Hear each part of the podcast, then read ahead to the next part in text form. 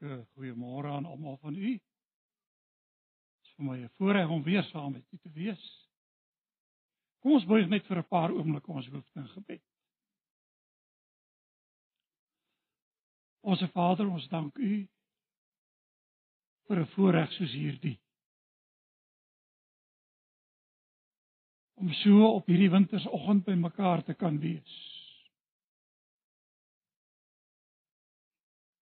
En bewus te kan word van u liefde van u genade en van u sorg. Dankie dat u vir ons hier byeen gebring het.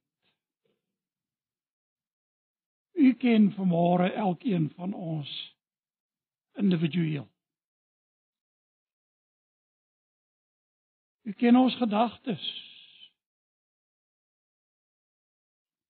U ken ons vreugde. Ons hartseer. Ons opgewondenheid en ons teleurstellings. U ken ons deur en deur. En daarom bid ons dat U deur U woord en deur U Gees ons sal aanraak. Juis op die manier wat u weet wat ons nodig het. In diepe afhanklikheid kom ons na u toe. En bid dat u ook in hierdie oomblikke met ons sal ontmoet. Ons vra dit in Jesus naam. Amen.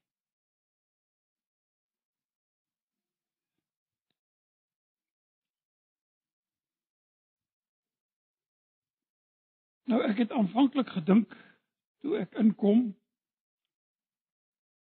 ons is 'n handjievol mense. En toe sien ek die getalle bietjie aangegroei. Want jy weet ek het gedink ek kom nou nader aan die einde van Romeine. En ek het op 'n stadium gedink ek moet maar die laaste paar hoofstukke saamvat in een Toe dink aan ek aan die ou ou staaltjie wat ek gehoor het van die ou predikant wat die aand in die kerk gekom het. En toe hy daar kom, toe sit daar net een persoon in die diens. 'n Ou plaasboer wat die diens bygewoon het. En hy sê toe vir die ou baas Hy sê ag oom ek dink ons bid maar saam en dan gaan ons maar uitmekaar. Nee oom sê vir hom dominee, hy sê jy weet ek is 'n plaasboer en ek het skape.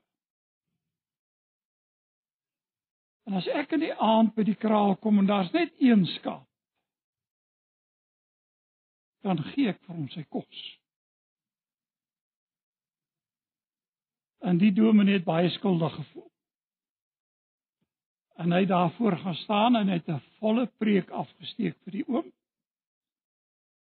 En toe hulle uitstap, toe sê die oom, hy sê dominee, ek wil daarom ook net vir jou 'n ander ding sê. Hy sê jy weet as daar een skaap is, dan gee ek net vir hom sy kos. Ek gee nie al die ander honderde sin ook vir hom nie. Nou het ek nou gedink ons sal net by die begin van die praktiese deel van Paulus bly en nie al die laaste paar hoofstukke saam behandel nie.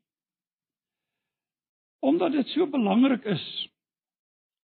En ons het nou ons is nou geruime tyd besig want jy weet dit is so met onderbrekings wat ons aangaan met Romeine. En ek weet dat julle as gemeente goed bekend is al op hierdie tydstip met Romeine. Maar soos dit is, die woord bly altyd nuut. En daar's altyd iets om te leer en iets nuuts om te ontdek. En dis altyd goed om herinner te word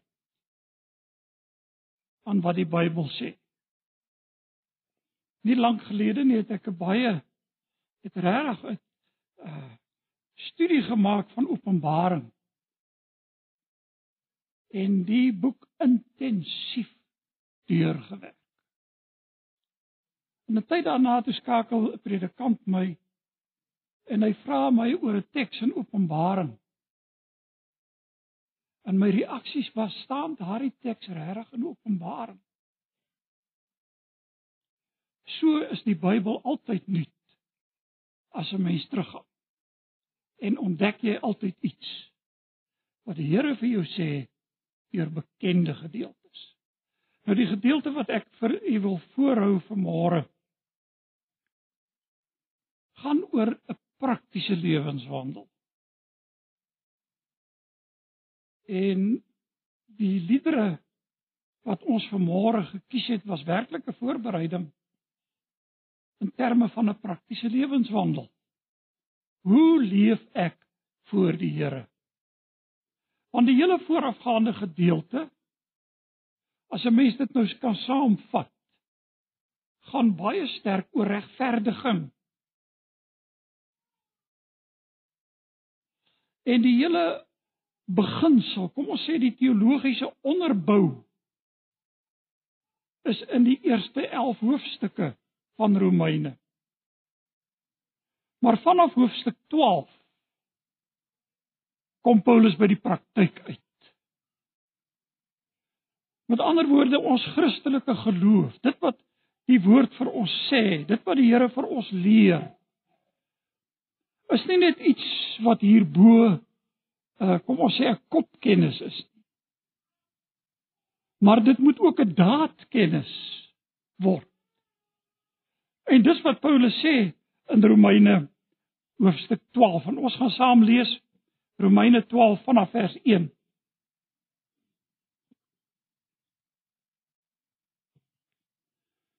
Ek lees uit die 'n nuwe vertaling. In die boodskap sal ek na die ou en die nuwe vertaling verwys. Maar kom ons lees saam. En nou doen ek 'n beroep op julle broers op grond van die groot ontferming van God. Gee julleself aan God as lewende en heilige offers wat vir hom aanneemlik is. Dit is die wesenlike van die godsdiens wat jy moet beoefen. Jy moenie aan hierdie sondige wêreld gelyk word nie. Maar laat God julle verander deur julle denke te vernuwe. Dan sal julle ook kan onderskei wat die wil van God is wat vir hom goed en aanneemlik en volmaak is. Kragtens die genade wat aan my gegee is, sê ek vir elkeen van julle, moenie van jouself meer dink as wat jy behoort te dink nie. Nee.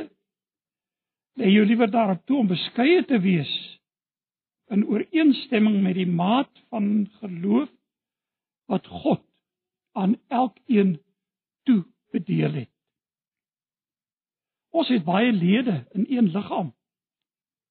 En die lede het nie almal dieselfde funksie nie, net so is ons. Al is ons baie in Christus een liggaam. En almal afsonderlik lede van mekaar. En dan verder aan gaan die apostel Paulus aan oor die onderskeie gawes. Nou miskien moet ek net vir u sê, weet jy, as ons nou weer saamvat, sal onthou die eerste gedeelte het dit gegaan oor die geregtigheid van God wat na vore gekom het in die klagstaat. Waar Paulus in Romeine 1 en 2 en in die begin van 3 sê almal staan skuldig voor God. So die klagstaat is geregverdig. Die klagstaat beskuldig ons almal. En dan in die tweede gedeelte kom word die geregtigheid van God gehandhaaf in sy vryspraak of in regverdiging. Wanneer hy in Christus Jesus ons regverdig verklaar. En dan derdens was daar die gevolge van God se geregtigheid. Hierdie geregtigheid van God se gevolge in ons lewe. Wat is die gevolge daarvan? God se geregtigheid soos wat dit gehandhaaf word in die kerk en in Israel. Onthou jy 19 en 11. Nou die van julle wat nou nie hier was nie, sal dit dalk nou verwarrend klink, maar gaan kyk nou maar in julle Bybel na die opskrifte, dan sal julle sien hoe hierdie hoofstukke aaneenloop tot die einde van hoofstuk 11. Dan in hoofstuk 12 begin Paulus met die praktiese lewenswandel. Maar weet jy, eers begin hy met 'n motivering. En van daar af gaan hy aan en as jy nou kyk, eintlik kan ons sê hier van vers 3 af begin die apostel Paulus en praat hy van die lidmaat se gedrag, se optrede, se lewenswyse binne die gemeente. Dan praat hy oor die gawes. Hy sê ons moet beskeie wees na die maat van geloof. Dit al hierdie dinge word genoem. En hy gaan daarmee eintlik aan nou weet hier verskil die Bybel Bybelverklaarders en my persoonlike keuse sal val om te eindig hier tot by vers 13 die gelowiges se optrede binne die gemeente. En vanaf vers 14, kyk daar praat hy van vervolgers. Met ander woorde dan gaan dit ook buite die gemeente. Gelowiges se optrede, wat is jou houding teenoor buitestanders? Hoe moet jy optree teenoor buitestanders? En dan natuurlik die lastige een wat ons ook mee in aanraking kom, is Romeine 13. Hoe moet jy optree teenoor die owerhede? Die wat oor jou aangestel is. Dan het Paulus so 'n invoeging wat 'n algemene opmerking is en dan die laaste gedeelte van hierdie praktiese optredes kom Paulus, hoe moet jy optree in hoofstuk 14 teenoor medegelowiges jou medebroer en suster waaroor jy soms verskil of waarmee jy soms verskil. En laat dit nou maar wees wat dit wil. Iemand het mos gesê as jy 3 Afrikaners op 'n eiland sit, dan het jy 3 kerke en 3 politieke partye. Jy weet mos hoe werk dit? En Paulus kom in hoofstuk 14 en hy sê, "Hoe tree jy op teenoor jou medebroer en suster waarmee jy in alle waarskynlikheid oor sekere sake anders gaan dink en waarmee jy gaan verskil?" So daarby sal ons uitkom. Gaan nie al hierdie dinge met u behandel nie, maar Paulus begin in hoofstuk 12 met hierdie interessante woorde en nou doen ek 'n beroep. Hierdie en nou koppel eintlik die hele voorafgaande gedeelte wat Paulus behandel het aan dit wat hy nou verder gaan sê. Met ander woorde, die teorie moet nou uiting vind in die praktyk. En dis wat die apostel Paulus wil sê hier in en nou broers. En weet jy nou kom ons voor hierdie baie tipiese probleem te staan. Ek ken mos die ding van Sondag Christene. Sondag baie vroom en baie mooi in die kerk. En die lyk soos 'n engel. En van maandag tot saterdag leef 'n mens baie keer soos 'n duiwel. Dit mos hierdie hierdie hierdie dubbelheid wat 'n mens baie keer kry. Uh ek sal terugkom na 'n voorbeeld in hierdie verband. Maar weet jy ek ek Ek dink baie keer wat gebeur het in die verlede het die regverdiging deur die geloof met ander woorde waarin God ons regverdig verklaar en ek in Jesus Christus heilig voor God staan omdat God sy seun in my plek raak sien mense bang gemaak en gesê maar dan beteken dit mos jy kan maar leef soos jy wil want jy skuil mos nou agter die Here Jesus Wat maak dit dan saak? Nou nou wil ek vanmôre 'n paar geheime uitlaat. Maar julle moet my nou nie gaan aanhaal nie. Maar wat hierdie geheime wat ek nou gaan uitlaat, het ek daarom gelees. En weet jy nou oor die akkuraatheid presies wat ek nou oor vertel? Uh kan ek ek ek, ek, ek kan die buitelyne onthou want dit is baie baie jare terug ons het ingeskryf uh op 'n teologiese tydskrif, 'n uh, kerkgeskiedenis tydskrif. So uh, wat wêreldwyd uitgegee word, 'n uh, akademiese werk wat uitstekend was. En hoekom ek dit so geniet het, is jy het baie keer nie net die barre droë kerkgeskiedenis gekry wat daar bespreek word nie. Maar jy die persoon agter die gebeure so 'n bietjie ontmoet. Die skrywers het navorsing gaan doen. En weet jy van hierdie ouens is daar een iemand wat ek nou vanmôre wil uitsonder, omdat as ons oor regverdiging deur die geloof leef, is daar dadelik een naam in die kerkgeskiedenis wat na vore kom. Martin Luther meen dit is die eerste persoon aan wie mense dink. En die kerkhervorming. Nou ek wil nou so 'n paar skinder skinderbrokkies deel oor Martin Luther wat ek nou gelees het. Nou, as ek dit nou vertel, moet u nou nie dink ek praat goed of enigiets nie. Ek vertel vir u wat in die geskiedenis gebeur het.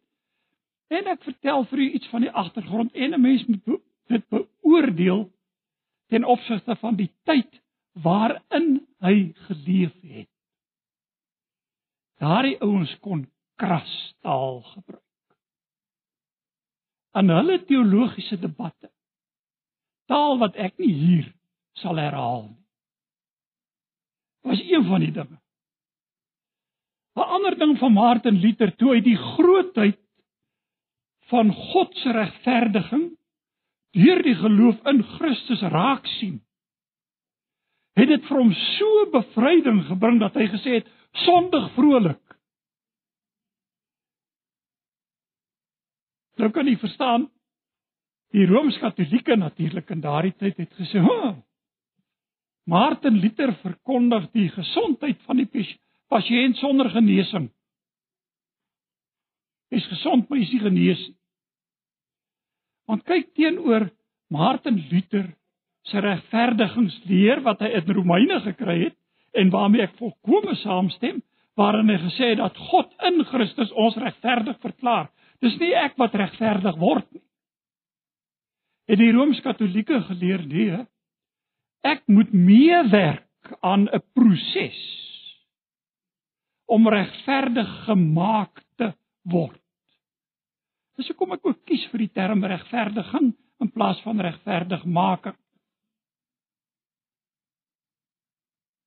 En Luther het daarteen gereageer. En weet jy nog 'n brokkie skindernuus van Luther? Hy het 'n bierbeker gehad. En op hierdie bierbeker, as blykbaar 'n groot bierbeker, was daar drie merke gewees. Hy was 'n vreeslike mens. Nou het hy die merke name genoem. Nou of die volgorde kan ek nou werklik nie onthou nie. Maar ek weet die drie name wat hy hulle genoem het.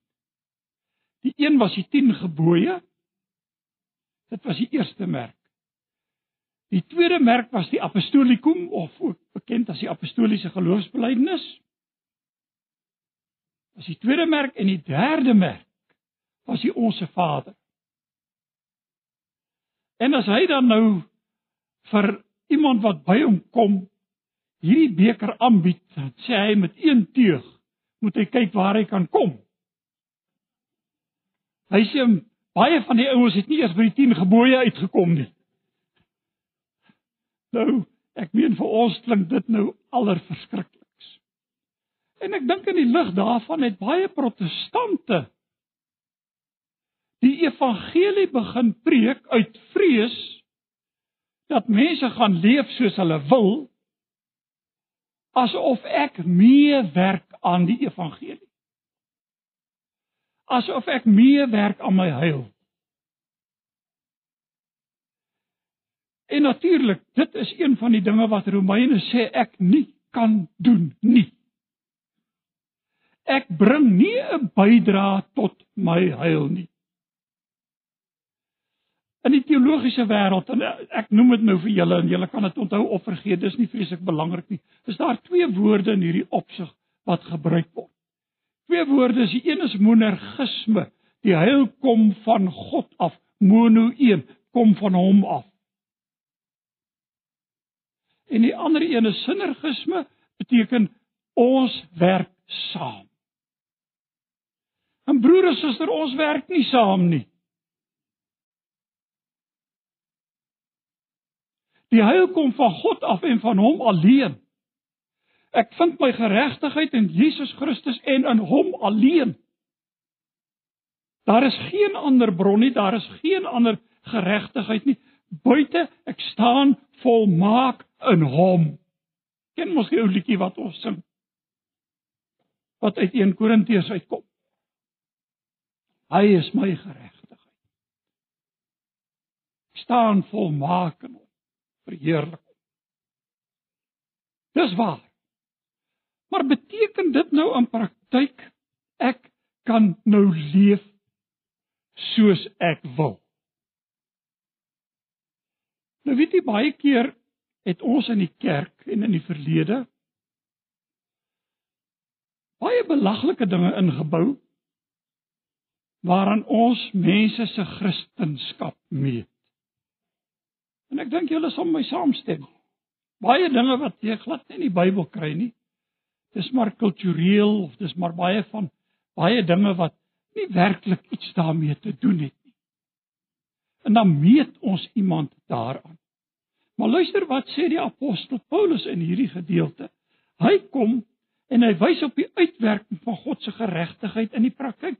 Hy sê en nou ek doen 'n beroep op julle. Ou vertaling sê ek vermaan julle So dis 'n ernstige woord wat nou tot die lesers gespreek word. En onthou dit volg en nou op die voorafgaande gedeelte. Waar Paulus sê maar ons geregtigheid is in Christus alleen wat in ons plek staan. En nou vermaan ek julle. Op grond daarvan kom die vermaaning. En hy sê ek vermaan julle broeders en Nou is daar vier saakies waarop ek julle aandag wil vestig hier. Die motivering van Paulus se vermaaning. Kom ek noem dit vandag. Die wese van die vermaaning, die metode en die resultaat. Nou ek wil begin by die motivering van hierdie vermaaning. Luister hoe mooi begin Paulus hiermee. Ek doen 'n beroep op julle broers op grond daar's die basis van die groot ontferming van God. En weet jy hierdie is vir my die wonder van die evangelie. Ons het nie met 'n straf of 'n strafmaatreël te doen nie. Ons het nie met die oordeele van God te doen nie. Die apostel Paulus sê ek vermaan julle Hoe op grond van die ou vertaling sê ontferminge in die meervoud. Hy motiveer dit. God se genade, die grootheid, die omvang van sy genade, die heerlikheid van sy genade, die feit dat ek in Christus regverdig voor God kan staan, nie omdat ek regverdig is nie, maar omdat die een wat in my plek staan regverdig is. Daar lê die kern van die hele van die hele saak. En dis op grond hiervan dat die apostel Paulus sê ek vermaan julle op grond van hierdie groot ontferming het die nuwe vertaling verkies. Nou dit kan vele of groot wees maar dit dui op die grootheid van God se ontferming. Weet jy ons soek mos altyd te motiveer nou my kinders is nou almal groot en uit die huis uit. En nou is ek die trotse oupa van 'n hele klompie kleinkinders En nou van hulle is daar is naby ons, soek sien hulle amper elke dag. En ek kom agter as jy vir 'n kind iets sê, jy moet nie dit doen nie. Hoekom oupa? Hoekom? Wel 'n rede. Jy af jou voete voor jy in die huis inkom. Hoekom oupa? Hy soek 'n rede. My ma het my vertel toe ek klein was. En hy ou kinderstoeltjie nog gesit het. En dit is my 'n wonderlike voorreg om te sien dat van my kleinkinders ook in daai ou stoeltjies sit. Sê hulle dan sê hulle vir my, "Ag, dan sit ek met my hande en eet." Weet mos soos 'n kind. Jy kan nie eers met 'n mes en vurk eet nie. Sê hulle vir my, dan vat ek die mes en die vurk. En dan eet ek met die mes en die vurk. Dan sit ek dit neer en dan sê ek, "sien julle, ek kan en dan eet ek weer met die hand." Hoekom? soek 'n motivering vir al. En Paulus gee vir ons die motivering in terme van God se genade. In die lig van Romeine 1 tot 11 is hierdie genade so groot. Is dit so onbegryplik dat die apostel Paulus sê op grond daarvan kan ek die vrymoedigheid neem om julle te vermaan. Om julle aan te spreek, om julle op te roep en daarin lê sy motivering want God het ons regverdig verklaar. En weet jy wat? Hierdie is nie die weg tot saligheid nie. Christus het klaar daardie weg geopen. Ons staan klaar geregverdig voor God. Maar hierdie is die resultaat wat daaruit voortvloei of die uitdaging wat daaruit kom om te lewe soos. Daarom sê hy ek doen 'n beroep op julle op grond van die groot ontferming van God. Weet dit laat my daaraan dink. Jesus het self gesê: "Dra dan vrugte wat by die bekering pas." 'n Boom word aan sy vrugte geken. En dis 'n Bybelse beginsel. En dit beteken dit is die vermaaning wat na jou en na my toe kom. Maar dit bring vir ons by die wese van hierdie vermaaning. Kom ons kyk na die wese van hierdie vermaaning. Wat is die wese? En hierdie is 'n verskriklike interessante saak. Paulus sê: Gee julleself aan God as lewende en heilige offers wat vir hom aanneemlik is. Gee jouself aan God as lewende heilige offers wat vir God aanneemlik is of 'n vertaling dit sê dat julle julle liggame stel as lewende en heilige welge en welgevallige offers aan God. Nou wat bedoel die apostel Paulus in terme van in in die Griekse taal gebruik die term liggame. Julle moet julle liggame gee en die nuwe vertaling hier praat van julleself. Is daar dan nou 'n verskil? Nee, nie werklik. Uh, in die teologie geskiedenis het is daar baie keer vreeslike verskille gemaak. Jy weet, die mens is gekompartmentaliseer en opgedeel in verskillende kompartemente. Uh omdat die Bybel en die Bybel praat van gees, siel en liggaam. En nou moet ek vir julle iets sê, wie as kind het ek altyd gewonder. Dan preek die dominee. En dan sê hy julle siele moet reg wees. En dan sit ek nou as kind te wonder, Waar sit my siel? Ek weet hulle sê ou se hart sit hier. Maar nou min of meer wonder hoe lyk dit? Jy weet, 'n mens dink mos baie konkreet uh oor die dinge. En gaan wonder dat baie keer hierdie dinge gekompartmentaliseer is nie. Terwyl die Bybel sekere fasette aandui en as die apostel Paulus hier praat van julle liggame, bedoel hy jou totale menswees. Niks uitgesluit.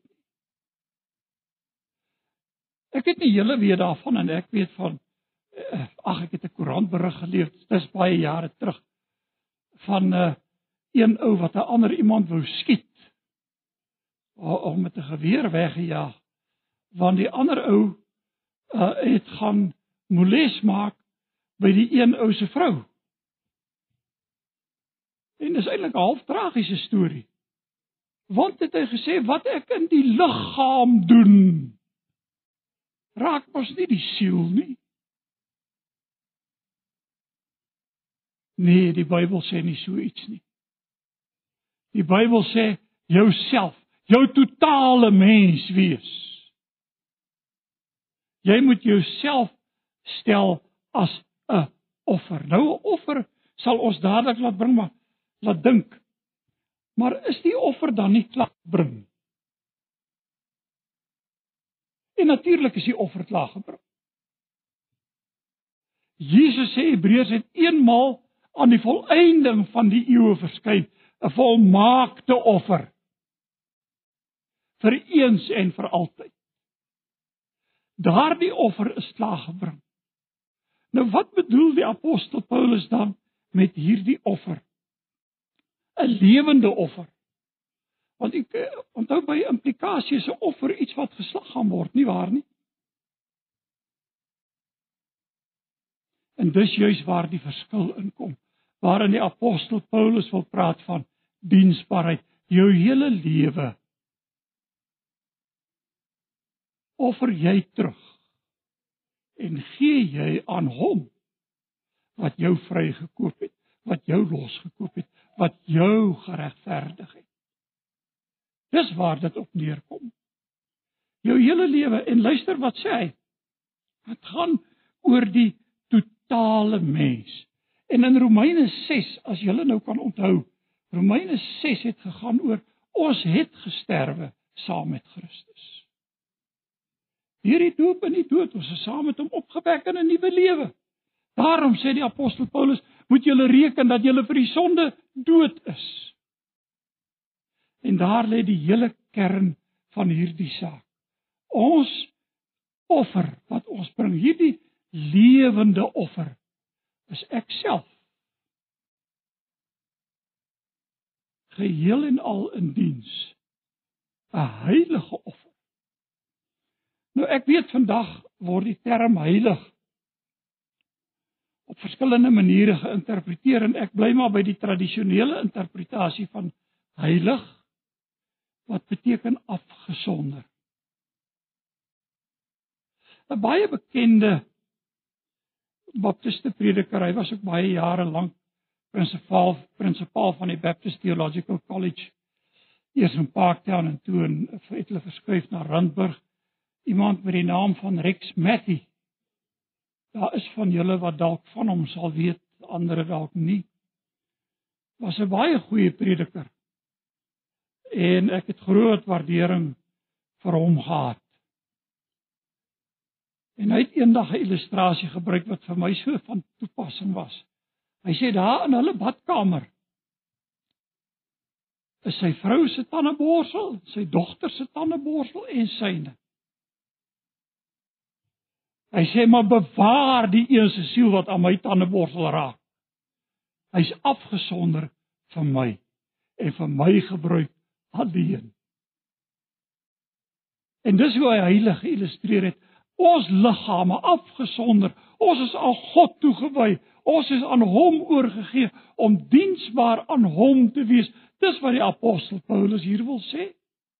Met ander woorde dat die teorie nou gestalte vind in die in ons lewe, in ons toewyding, ons hele liggaam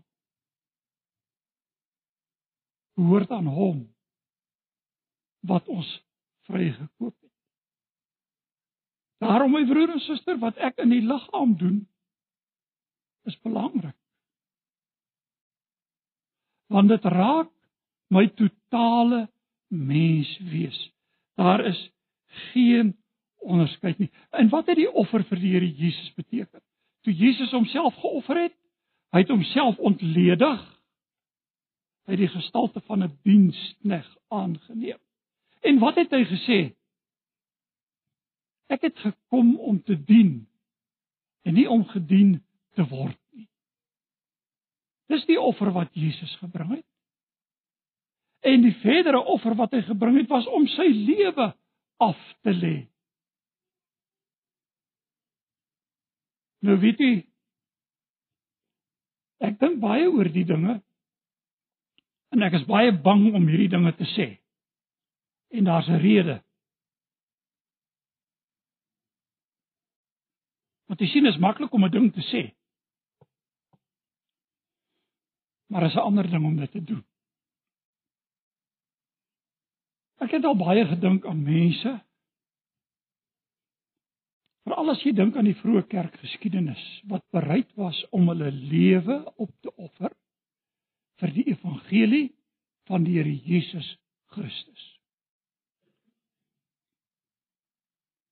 En dan vra ek vir myself, sien jy kans om dit te doen? En jy weet hier waar ons bymekaar is, is dit maklik om te sê ja.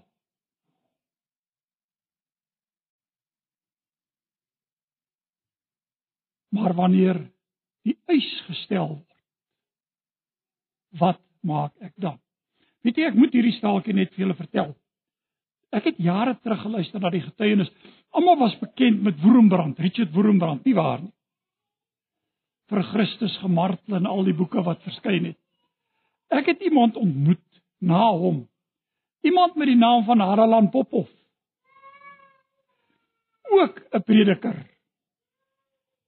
wat gevang was. In hegtenis geneem was oor sy geloofs-oortuiging. Was 'n baptiste prediker.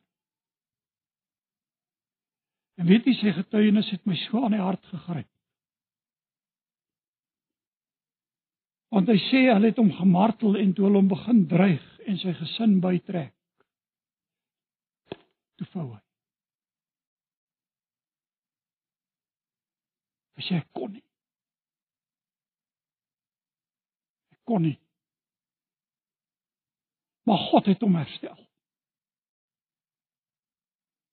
En wat 'n getuienis was dit want weet jy ek sien myself in daardie man se getuienis. Wat toe die druk kom, hy gesê het ek kon nie.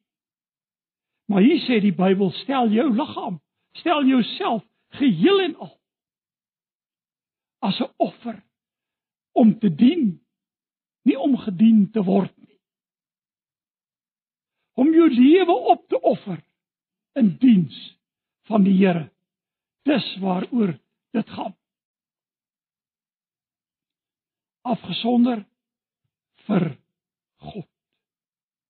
Maar die vraag is hoe gebeur dit? En weet jy dis nou waar die waar die oplossing vir my lê in my eie denke. Luister wat sê Paulus.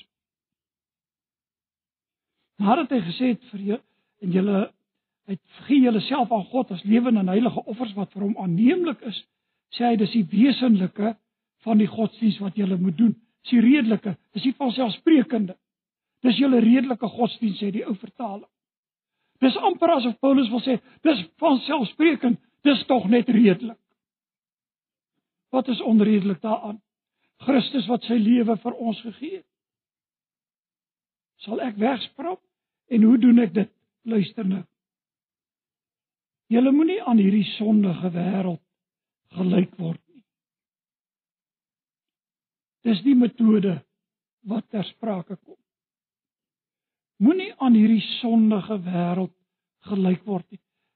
Wat is hierdie sondige wêreld waarvan Paulus praat? Blaai saam my net 'n oomblik terug na Romeine. Romeine 1. En ek het dit amper sê ek jare terug met u gedeel, maar dis 'n hele rukkie terug. Daarom gee God hulle vers 24. Daarom gee God hulle aan die drange van hulle hart oor en aan sedelike onreinheid sodat hulle hulle liggame onder mekaar onteer. Dit is hulle wat die waarheid van God verruil vir die leuen.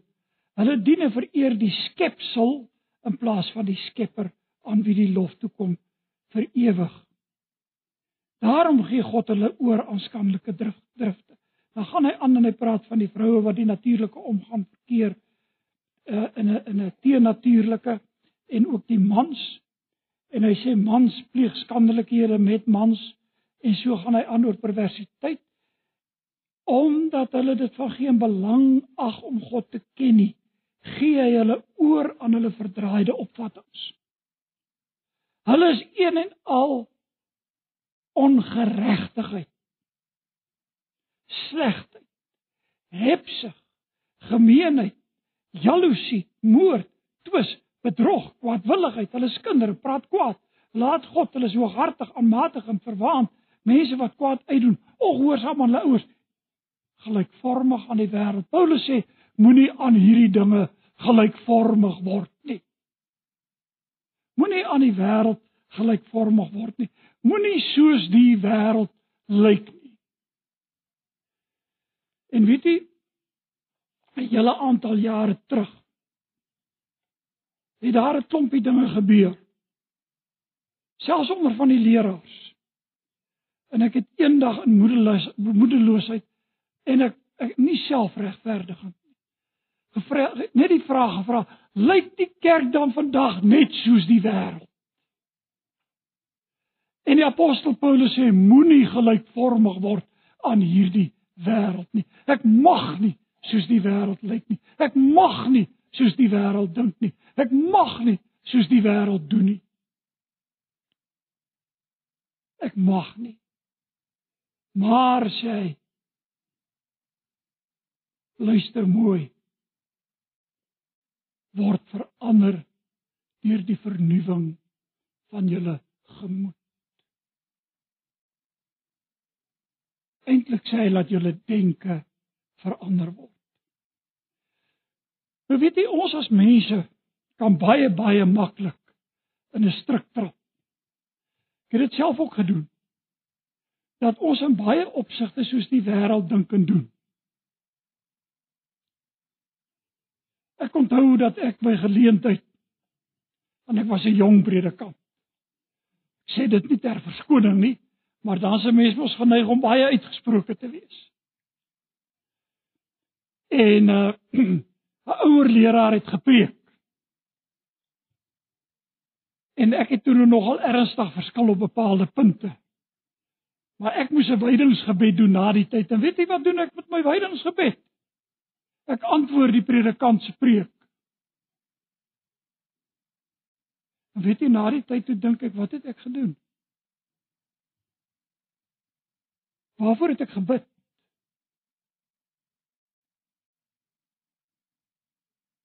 Ek staan vandag nog by my oortuigings. Maar weet jy dit het my so skrik gemaak dat ek bang was daarna om in die openbaar te bid want ek moet my eie hart ondersoek. En nou sê die apostel Paulus nee, laat jou denke vernuwe word, word vernuwe. Nou het ek nou die dag en dalk het van julle ook die preek gesien op TV. Een aand. Sit Nelly en ek en ons kyk. Ek vertel die prediker van 'n uh, navorsing wat gedoen het hoeveel gedagtes 'n mens per dag dink. Ag en dis nou ter duisende waarvan nie by die 80% sê hulle negatiewe gedagtes is. En toe sê hy dat ons moet dit omskep, ons moet positief begin dink. Toe nou klaar is, toe sê ek vir hulle, klink vir amper soos the power of positive thinking. Want hoe doen ek dit?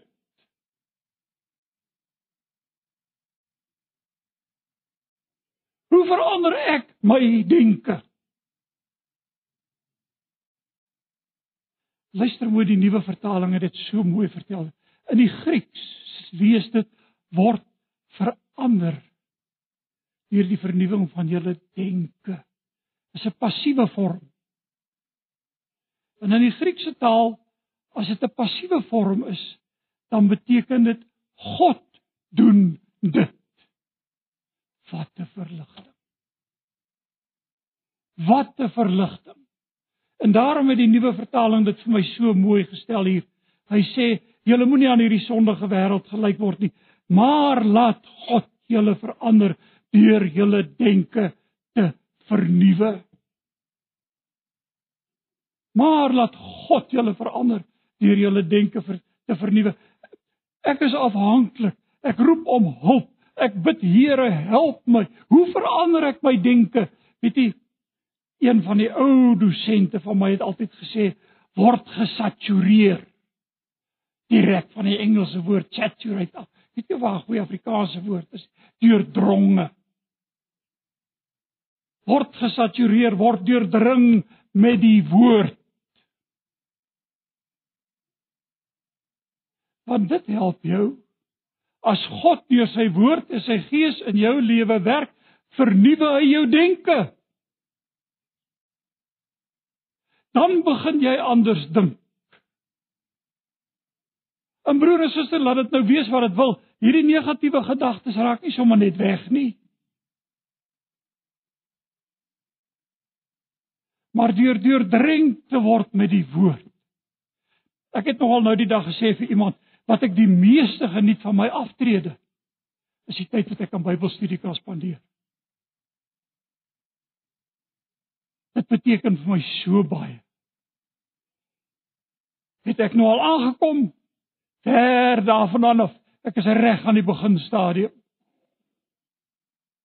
Ek is reg aan die beginstadium met die verlange, Here, vernuwe my denke. En weet jy, kan ek negatief word? My vrou preek baie vir my daaroor. Ek kan so negatief word. Die geringste ou dingetjie dan sê ek, "O, oh, is die einde van alles."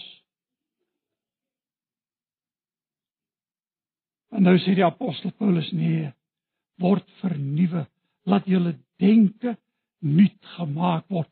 En dis nie the power of positive thinking nie.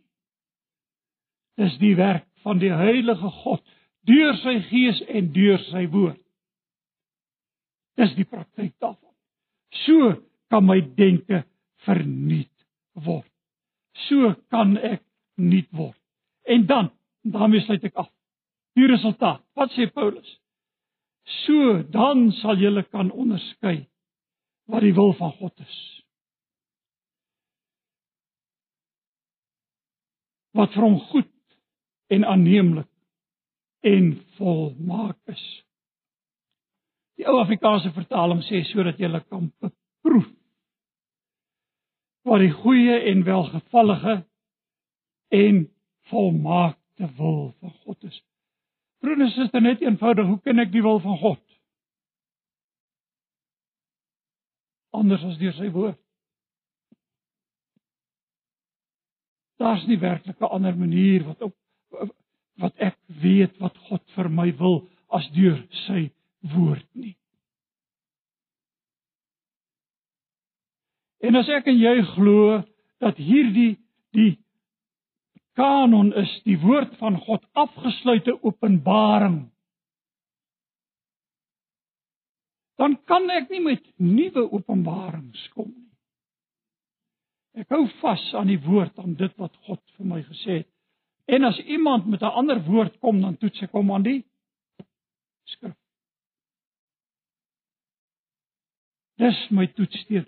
Alleen so, sê die apostel Paulus, kan ek die wil van God ken. En dan sê hy wat vir hom goed en aanneemlik en volmaak is of die goeie, welgevallige en volmaakte wil van God na aanleiding van die ou vertaling. En nou weet ek het ek ek het al mense gehoor praat wat sê nee Eh, dit hang nou af van watter stadium in jou Christelike lewe jy is. Jy weet goeie wil van God en as jy verder gevorder het, uh, dan dan kom jy by die uh, aanneemlike en die volmaakte wil uit en so vorder jy. Nee broer en suster, wat hy hier sê is God se wil is altyd goed, is altyd aanneemlik, is altyd volmaak.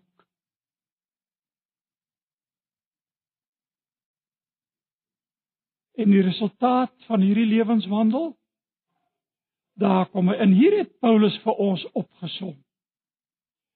In twee kernverse. En nou kan julle verstaan dat dit maar goed was dat ons nie hoofstuk 13 en 14 ook verder behandel het vanmôre nie. Want dit is so belangrik as ek hierdie verstaan. As ek hierdie my uitgangspunt gemaak het, dan val die ander dinge vir my in perspektief. Dink mooi daaroor. Want die oomblik as ek van hier af vertrek, ek word vermaan op grond van God se openbaring of sy ontferming om my liggaam te stel as 'n heilige en aan God welgevallige offer. Dis my redelike godsdiens. Word nie aan hierdie wêreld gelykvormig nie, word verander deur die vernuwing van jou gemoed sodat ek kan beproef wat die goeie, welgevallige en volmaakte wil van God is. En as ek hiervandaan vertrek, dan raak my verhoudinge met mense binne die gemeente veel makliker na buite veel makliker met die owerhede veel makliker met buitestanders en ook wanneer daar geloofs of oortuigingsverskille na vore kom. Hoekom? Want ek vertrek hier vanaand. Mag die Here vir ons help dat hierdie gedagtes hieruit vir ons sal motiveer om dit in ons lewe in die praktyk van toepassing te maak. Want dis wat die apostel Paulus wil hê. Dis nie iets wat in die lig hang. Dis iets wat voete kry. En wat ek in die praktyk kan uitleef. Kom ons buig ons hoofde in gebed. Here waar u woord in menslike swakheid en gebrokenheid gekom het. Dank ons u vir die werking van u Gees en vir die feit dat u woord onfeilbaar vas staan. Betroubaar is in elke opsig. Bevestig dit aan ons deur die werk van u Gees. Ontbrand in ons harte 'n ywer om nie net hoorders van u woord te wees nie maar ook daders. Ons bid dit in Jesus naam. Amen. God is magtig om julle te laat vas staan ooreenkomstig die evangelie van Jesus Christus wat ek verkondig en ooreenkomstig die openbaring van die geheimenis. Eeue lank het dit geheim gebly maar nou is dit geopenbaar. Aan die hand van die geskrifte van die profete en in opdrag van die ewige God is dit aan alle nasies bekend gemaak sodat hulle in God kan glo en aan hom gehoorsaam kan wees. Aan hom die enigste en alwyse God behoort die heerlikheid deur Jesus Christus tot in ewigheid Amen.